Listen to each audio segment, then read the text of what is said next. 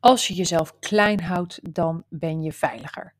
Dat is iets wat ik ook meelam in mijn leven. Onbewust, maar toch geloofde ik dat. Maar is dat nou echt wel zo? Daar ga ik met je induiken.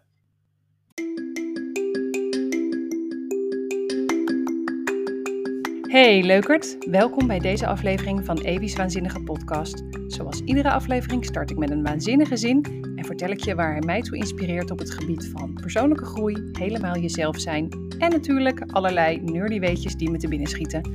Laten we erin duiken.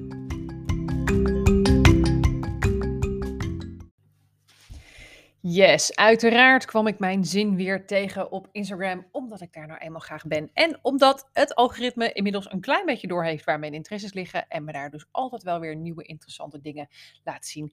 En zo ook de zin van deze keer. Want de zin van deze keer kwam ik tegen uh, op de account van uh, iemand die uh, zich bezighoudt met the mother wound.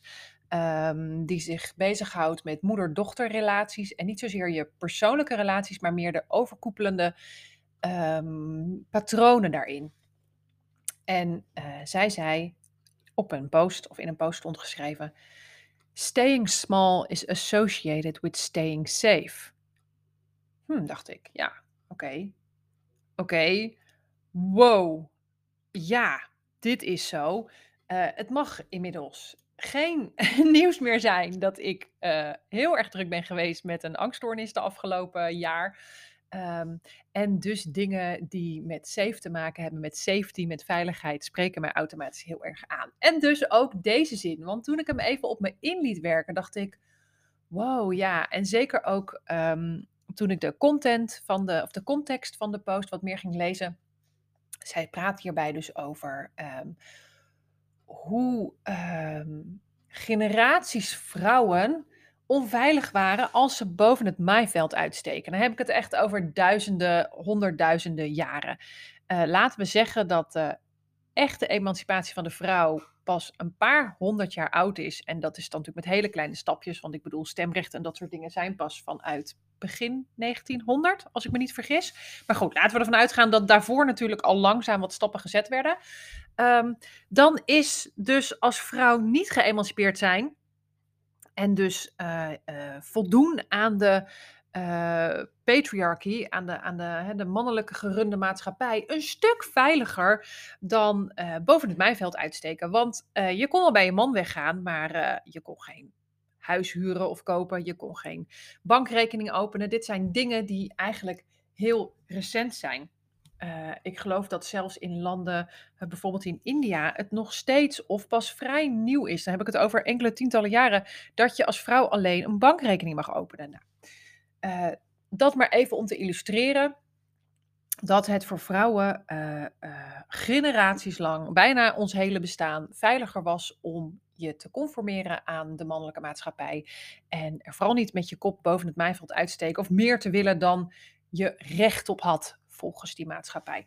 Nou, als je op die manier naar die zin kijkt, zij praat dan dus ook over hoe, um, hoe in deze laatste generaties, waarin wij vrouwen veel meer ter beschikking hebben en veel minder afhankelijk zijn en veel beter, hè, als we uh, scheiden in deze tijd, ben je in principe niet afhankelijk van een man. Of zelfs hè, in, in der tijd moest je je vader bewijs van meenemen dan maar weer als, als net gescheiden vrouw met kinderen om een huis te kunnen huren of een contract te tekenen.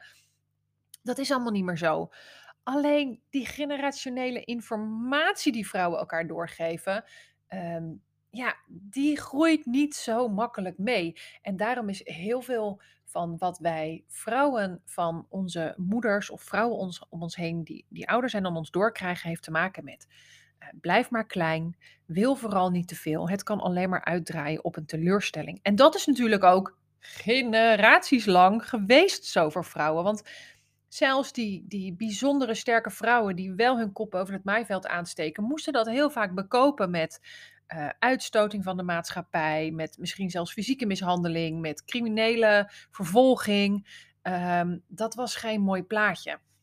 Dus het is niet heel erg vreemd dat generatie op generatie vrouwen aan elkaar doorgaven hoe je je behoorde te gedragen, zodat je zo veilig mogelijk uh, je leven kon leiden. En het feit dat we dat al aan elkaar moesten doorgeven, geeft misschien ook al aan, of tenminste, dat is hoe ik het zie, hoe wij in onze spirit, zeg maar, in onze ziel als vrouwen, al vanaf zo klein zoveel meer willen en zoveel meer kracht in onszelf voelen. Alsof dat er gewoon een beetje uitgehaald moet worden, zeg maar. Alsof wij krachtiger waren dan de maatschappij ons plek voor wilde te geven. Nou ja, dat zijn dingen waar ik wel eens over mijmer.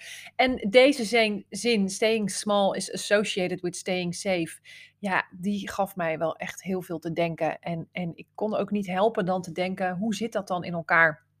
Want eigenlijk um, word ik er heel opstandig van als ik klein word gehouden.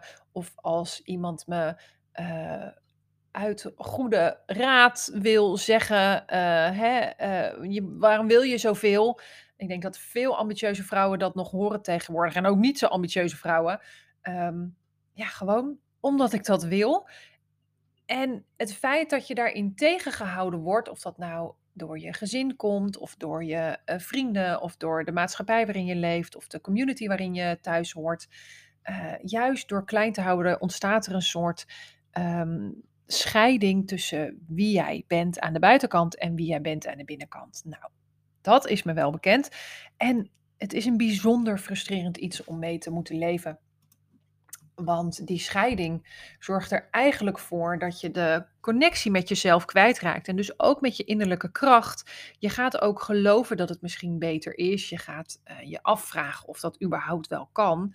Um, zoiets als op kamers gaan. Ik denk dat mijn oma dat nog best wel een vreemde zaak vond, zeg maar. Dat ik als meisje alleen ergens ging wonen. Of ik dan niet overal gevaar liep, eigenlijk. Um, maar door door niet te volgen waar jij denkt dat jouw krachten liggen en je die um, connectie met jezelf gaat kwijtraken, ja, daar, daar denk ik dat de echte onveiligheid gaat plaatsvinden. Want als je niet meer op jezelf denkt te kunnen vertrouwen, als je ervan overtuigd raakt dat je gered moet worden, dan word je afhankelijk. En dan inderdaad ben je de volmaking van dat wat die maatschappij wel van jou wil, namelijk dat je afhankelijk bent van de mensen om je heen, van een man, van een partner, van wie dan ook om jou te redden. Um, ja, best wel veel stof tot nadenken. Ik merk dat mijn gedachten hierover ook nog soort van.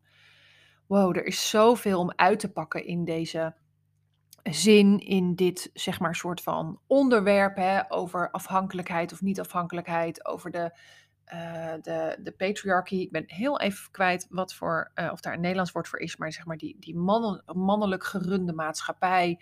Het beeld wat we hebben van vrouwen. Nog steeds de disconnect in vertegenwoordigheid van vrouwen in onze maatschappij. In, in, in loon, uh, hè, hoeveel loon je krijgt als vrouw ten opzichte van een man. Er is zo, zoveel wat daar. Um, uh, ja, niet helemaal in de haak is. En, en uh, er zijn vast mensen die dat veel beter kunnen uitdenken dan ik. Maar uh, ja, dit prikkelde bij mij dus een hoop. En vooral ook, als ik er wat dieper over nadenk, hoe onveilig je je kunt voelen um, wanneer je die connectie met jezelf en je eigen kracht kwijtraakt. Ja, dat is wel, dat, dat is veel.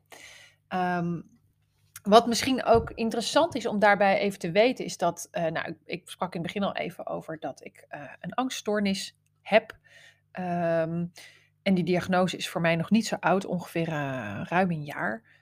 Um, is dat uh, je misschien voor mij zo logisch is hè, dat dat te maken heeft met, uh, uh, ja, als je jezelf klein maakt, voel je je veiliger. En, en juist dat de, als je de connectie met jezelf kwijtraakt, dat dat eigenlijk het meest onveilige voelt. Misschien denk je wel, hm, dat is een grote stap. Um, dus dat, wil ik nog wat verder toelichten. Um, een angststoornis, ik zou mezelf nooit hebben gedacht dat, dat, dat ik dat had. Omdat ik dacht, een angststoornis, dat is als je bang bent voor dingen. Uh, als je bang bent voor spinnen of voor op straat gaan of groepen mensen. En ik kon nooit zo heel erg goed begrijpen, voordat ik dat zelf meemaakte, hoeveel een angststoornis niet te maken heeft met bang zijn. Of, uh, maar met een hele andere vorm van angst, namelijk jezelf onveilig voelen, angstig zijn. Het gevoel hebben dat je leven in gevaar is. En um, ja, dat komt waarschijnlijk ook omdat ik er nooit op gewezen was om er op die manier naar te kijken. Um, op die manier is het wel veel duidelijker hoe je je eh, leven dus ook heel erg klein maakt. En dat angststoornissen ook meestal niet origineren in, ehm, of laat ik niet zeggen meestal niet, laat ik het anders zeggen. Dat angststoornissen niet altijd hun origine hebben in bijvoorbeeld een traumatische ervaring, zoals een, ehm, een jeugd met mishandeling of een eh, overval of een aanranding of een ongeluk of wat je dan ook meemaakt. Maar dat een angststoornis dus ook kan ontstaan door uh, dingen meemaakt die je hersenen niet goed kunnen verwerken. Dat kunnen eigenlijk vrij gewone omstandigheden zijn. Uh, maar dat het heel vaak ook zijn wortel heeft in hoe je begrepen wordt, in hoeverre je je emoties mocht uiten, in hoeverre je het gevoel had dat je er als jezelf mocht zijn. En dat daar zeg maar je hersenen bepaalde ervaringen wegzetten als dat is gevaarlijk, dat moet ik dus niet doen. En dat kan zoiets simpels zijn als in, op de basisschool je, of, of thuis in je gezin je mening geven ehm, en daar negatieve feedback op krijgen. Um, trauma, wat vaak de bron is of een oorzaak kan zijn van angststoornis, ontstaat niet per se door hoe erg iets is wat jij hebt meegemaakt, maar door hoe erg jouw hersens niet hebben kunnen verwerken wat er op dat moment gebeurde. Um, en dat gevoel van onveiligheid, wat daaruit ontstaat, en een stukje van je oerhersenen, is een beetje te technisch om nu op in te gaan. En ik betwijfel of ik het helemaal exact zou kunnen herhalen, uh, hè, hoe ik uh, het gelezen heb en hoe dat zit, omdat ik nou helemaal geen dokter ben. Um, dat stukje oerhersenen categoriseert allerlei dingen als gevaar. Bijvoorbeeld een wesp. Als je één keer heel naar gestoken bent, blijf je wel uit de buurt. Als je uh, een keer zonder goed te kijken overgesteken hebt en je bent bijna aangereden of zelfs aangereden, dan zal je dat niet meer zo gauw herhalen. Nou, dat soort dingen. Maar wat bij een, een, angststoornis, en in mijn geval is het ook een uh, gegeneraliseerde angststoornis, dus iets wat plaatsvindt op allerlei gebieden in je leven en op allerlei onderwerpen, wordt getriggerd door een algemeen gevoel van onveiligheid en dus een, een idee dat bijna alles jouw leven bedreigt. Dus dat alarmpje van je uh, amygdala, heet dat stukje van je hersenen, gaat echt te pas en te onpas af. Uh, kan bewijs van afgaan bij een fluffy konijntje. Uh, dus wat je gaat doen, ongemerkt, en zeker hoe langer dat duurt en hoe langer het niet opgemerkt wordt of gediagnosticeerd wordt, is je leven steeds een stukje kleiner maken. niet alleen in de ervaringen die je zelf wil gaan ondernemen, maar bijvoorbeeld ook in uh, vriendschappen die niet meer veilig voelen. En dit heeft dus allemaal niks te maken met hoe veilig de vriendschap of de wereld is. Dit is allemaal jouw eigen perceptie. En heeft dus ook heel erg veel te maken met emoties, met hoe je dingen beleeft. En eigenlijk vrij weinig met de, werkelijkheid.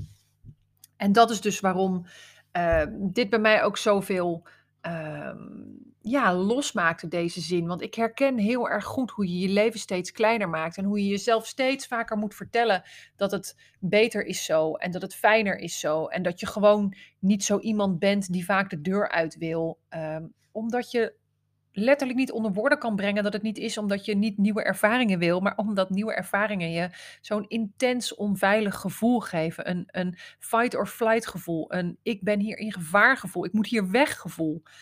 Um, dus die ga je op een gegeven moment ontwijken. En, en hoe vaker je dat doet en hoe langer je dat doet, hoe minder je voedt aan je ziel en aan je passies en aan de dingen waar je echt plezier in hebt. Tot je leven op een gegeven moment zo klein is dat je ja, misschien wel net als ik, uh, zo hard tegen je eigen grenzen aanloopt dat je um, hulp nodig hebt. Of dat je eigenlijk denkt, dit kan gewoon niet zo verder.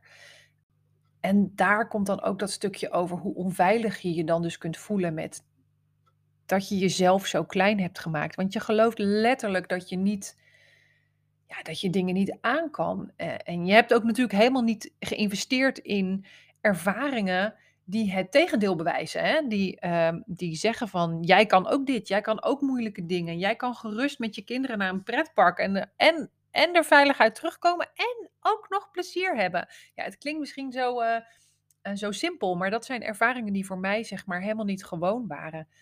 Um, dus ja, dat, dat, dat, dus dat staying small is associated with staying safe. Ik ben benieuwd wat jij, uh, wat jij daarbij voelt. Misschien herken je stukjes. Misschien gaat er een enorme eye-opener open. Misschien uh, ben jij op een plek in je leven waarop je denkt: hmm, nee, herken ik helemaal niet.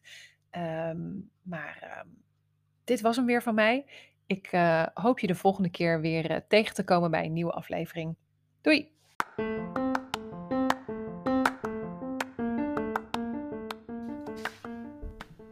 Bedankt voor het luisteren naar deze aflevering van Evie's Waanzinnige Podcast. Wil je reageren of iets met me delen, dan kan je dat het beste doen via Instagram, at Joy Factory, of via mijn website www.eviesjoyfactory.nl. Als je deze aflevering leuk vond, raad ik je ook aan om je te abonneren op deze podcast, zodat je geen aflevering zult missen. Ik wens je nog een mooie dag en tot de volgende aflevering. Doei!